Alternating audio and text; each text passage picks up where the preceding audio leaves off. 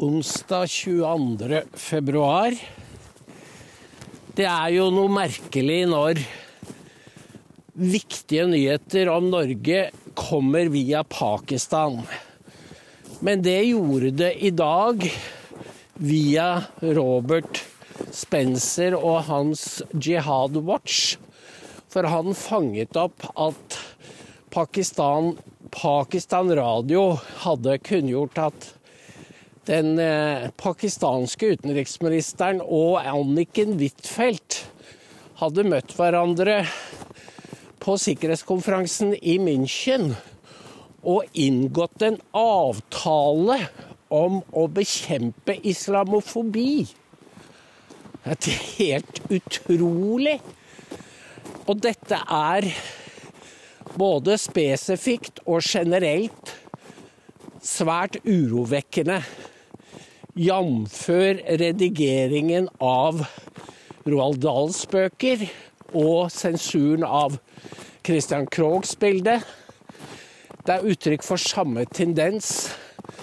Det er woke-ideologien som hvis karakteristikk er undertrykkelse.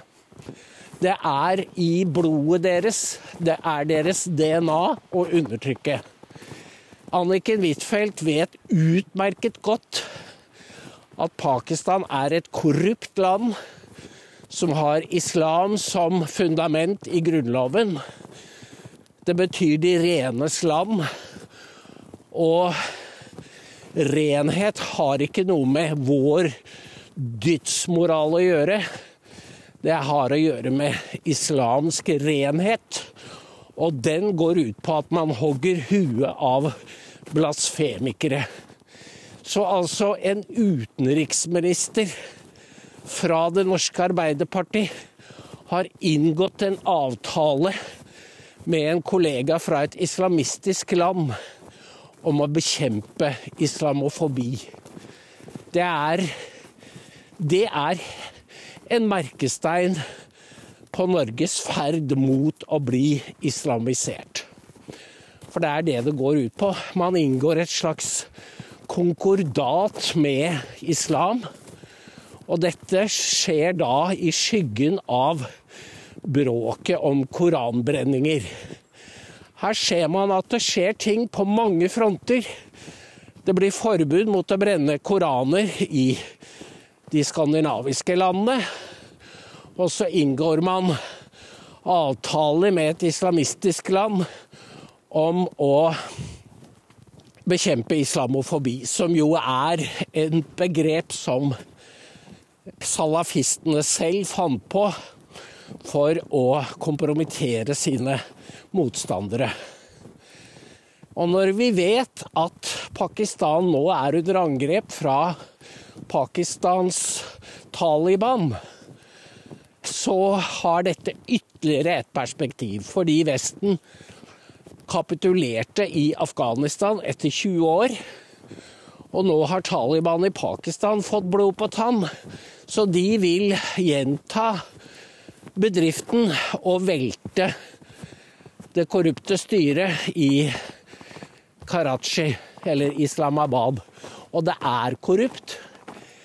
Og problemer med inflasjon, vareleveranser, gjør at det er ikke noe vanskelig å mønstre en mobb som stormer parlament eller hva det skal være, hvis de, hvis de tør å ta sjansen. Dette er ikke snakk om spontane protester. Og vi husker fra karikaturstriden, og det er noe lignende. Da ble jo den norske ambassaden i Damaskus brent. Det er noe lignende Norge risikerer nå ved å inngå et forbund med, med Pakistan. Jeg tror ikke at Anniken er så dum at hun ikke skjønner dette her, men dette er forebyggende underkastelse, kalles det. Det var det jødene måtte gjøre da de var så svake og forsvarsløse at uh, for å forhindre nye pogromer, så måtte de innynde seg ved hoffet og betale tributt eller gjøre andre slags gester for å vise sin underdanighet. Og det er det Norge nå holder på med i forhold til Pakistan. Altså, det er som om Charlie Hebdo og Samuel Paty og Lars Hedegaard ikke eksisterer. Det er som om de har ofret sine liv og tilværelse for ingenting. Fordi eh, Huitfeldt med sin handling kansellerer det offeret de har brakt. For det var et offer. Samuel Paty betalte med sitt hode. Lars Hedegaard betalte med sin trygghet. Han kan ikke gå fritt på gata. Og det Men det kan hans fiender. De går fritt. Og det det er mediene som beskytter Huitfeldt fra denne kritikken. For de er jo blitt De er på samme sporet. Så Men heldigvis så har vi et hode vi kan tenke med. Og vi ser utviklingen, utviklingstrekkene. Og de peker i én retning. Og woke og islam pluss islam, det er demokratiets død. Og så er det det at det mer generelle at Huitfeldt avstår suverenitet til et annet land. Det er jo helt uhørt at nå kan muslimer bestemme over norsk ytringsfrihet, for det kan de. Praksis så kan de det. Det er bare å true. Og politiet vil jo da være på voldsmannens side, fordi de vil jo si at når du gjør noe så dumt, så må du vente deg reaksjoner. Det sa norsk politi allerede for ja, seks-sju år siden til en kjent forfatter som ble innkalt av PST, og han trodde det var for å gi råd om islam. Og det var det de sa, du som vet så mye om islam, men i stedet så fikk han høre Er du klar over at du kan frembringe en ny Breivik? Det intellektuelle nivået på norsk politi, da snakker jeg om ledelsen, er, er altså så lavt. Eh, jeg er ikke sikker på om det er noe liv der oppe i det hele tatt. Og nå er det bare kvinner i ledelsen. Jeg kjenner ikke hun nye lederen for Oslo-politiet, men Beate Gangås og hun andre i PST jeg har ikke akkurat imponert. Så det har jo ikke Benedicte Bjørnland heller. Så dette er Det er jo det som er betenkelig, at de har noe til felles med eh, salafister. De blir ikke frem, forfremmet fordi de er så flinke. De blir forfremmet fordi de er kvinner. De blir, de blir forfremmet fordi de er kvinner. Og det er ikke sånn vi vil ha det. Og dydsposeringen gjør jo at hvis man først går etter identitetsmarkører og ikke innhold, så går man etter Er de muslimer? Å ja, da er de jo bra. Da er det bra. Mørke i huden fra og is muslimer. Da får du to kryss i boka. Og de skal da beskyttes. Sånn at her får du en sirkelargumentasjon. Og Derfor var det jo at så mange reagerte på at Huitfeldt inviterte disse Taliban-lederne hit. Som om de hører på hva Norge sier. Og så måtte hun jo da beskjemmet innrømme at Taliban ga blaffen. Jentene fikk ikke gå på skolen, og de får ikke ha jobber. De får ikke bruke p-piller. Og dette er jo stikk i strid med det Harpviken og disse sa at nå, nå er det en moderat Taliban. Og det holder de på med fortsatt, for de sier at de radikale sitter i Kandahar, mens de er så moderate i Kabul. Dette er Team Biden som har forårsaket dette her. Og Huitfeldt, utgått fra Det norske Arbeiderpartiet, er på Team Biden. På bildet vi la ut, så var hun sammen med Hillary Clinton i Oslo.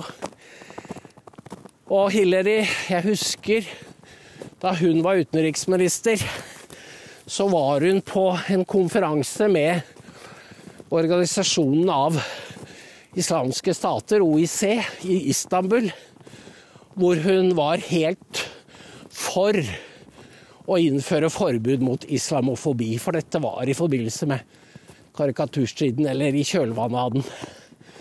Så de har hatt et program i lang tid, og det tåler ikke dagens lys.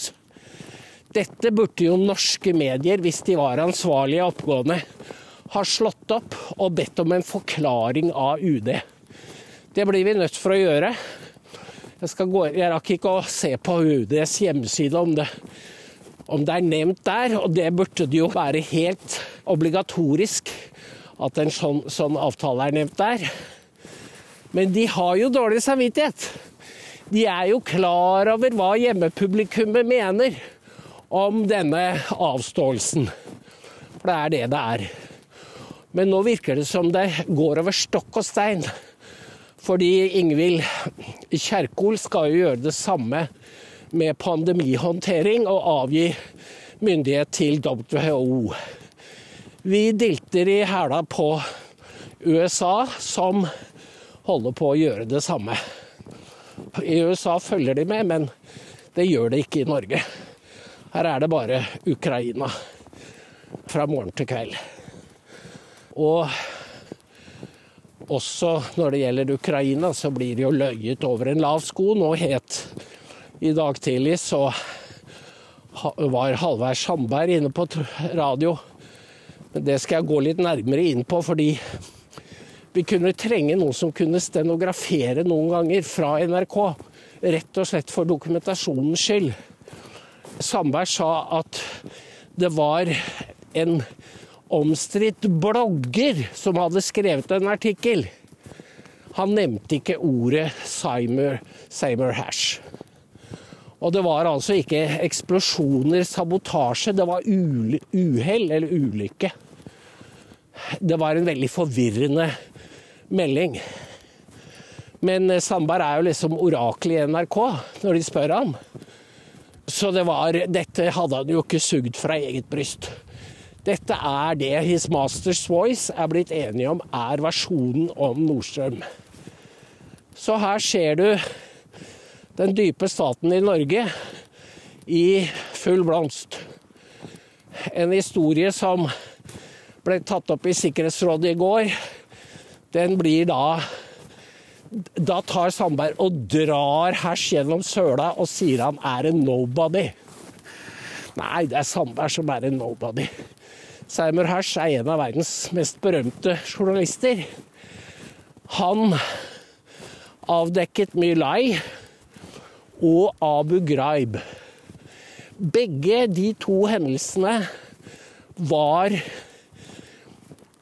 overgrep som NRK har levd høyt på, trykket til sitt bryst, som man, hvis man går i arkivene, vil se har utgjort noe av hovedstammen i NRKs skildring av Vietnamkrigen og Irak-krigen.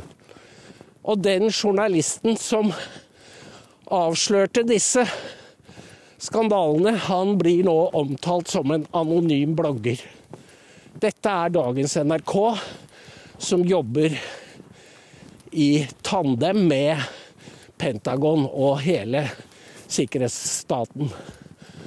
Det er det skattepengene dine går til.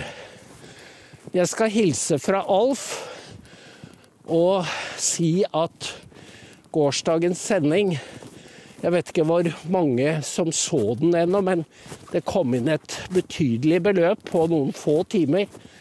Og det gleder meg stort. Fordi eh, Alf har den troverdigheten og tyngden som gjør at båten bærer.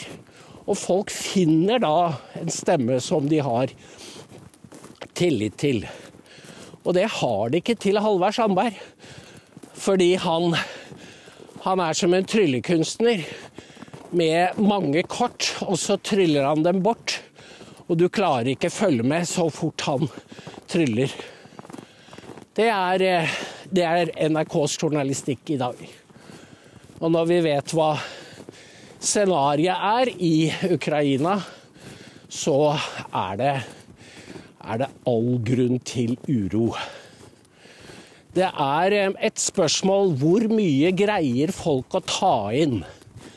Og jeg så da det hadde kommet en ny signatur i kommentarfeltet under Alfs og min sak, av en som het Eirik Orøks. Merkelig pseudonym, men han skrev en veldig god Det var jo en helt artikkel, så jeg la den ut. Og der viser han, ramser opp alle Med et fint ord så er det idiosynkrasier heter det. Altså motstridende utsagn. Fordi det er det som gjør at folk blir helt gale i hodet av å høre på NRK og norske medier. Men det er helt bevisst, for dette er dagens psykologiske krigføring. Og da kan man spørre hvor mye greier folk å henge med? Og det ser du at Eirik Orøks gjør. Han har en klar tanke, klart intellekt, og gjennomborer dagens svada og propaganda. Og det, det, er på en måte hele dokuments raison altså hele vårt vår begrunnelse for å eksistere, at vi gjør dette på en rasjonell måte. Og Ukraina-krigen blir en test på om vi har intellektuell og moralsk styrke til ikke å kapitulere. For det er det de vil. De vil vi skal føye oss, gå inn i folden. Men her snakker vi om en uhyre viktig motstand mot det kollektive konsensuspresset. Det er dette som Mathias Nesmes snakker om, at for å unngå fullstendig mass formation psychosis, så må det være en minoritet som bevarer vettet. Og det er norsk pragmatisme, sunt vett og selvfølgelig opplysning og kunnskap. Du klarer deg ikke uten det siste. Men med dagens internett så er det mulig. Og disse folkene legger igjen spor overalt. Og i dette tilfellet var det altså Spence, nei, Robert Spencer som fanget opp at Huitfeldt hadde møtt Sardari, som er en usedvanlig korrupt familie i München, på sidelinjen i München. Dette er sterke saker, fordi Sardari, han faren der, var jo gift med Benazir Bhutto. Vi aner ikke hva vi vikler oss inn i. Det er det. Det gjør vi ikke i Norge, og nå gjør vi det heller ikke utenrikspolitisk. Men vi kan, vi kan bruke informasjonen og fortelle folk hva som foregår. Tusen takk for i dag. Og dere var så Jeg vet ikke om dere er de samme, men det var så mange flinke som ga i natt. Så Alf ble hoppende glad. Og jeg gjentar da beskjeden fra Hanne. Hun er i Norge, så jeg skal møte henne senere i dag. 13629. Tusen takk skal dere ha. Og Hei, hei fra skogen.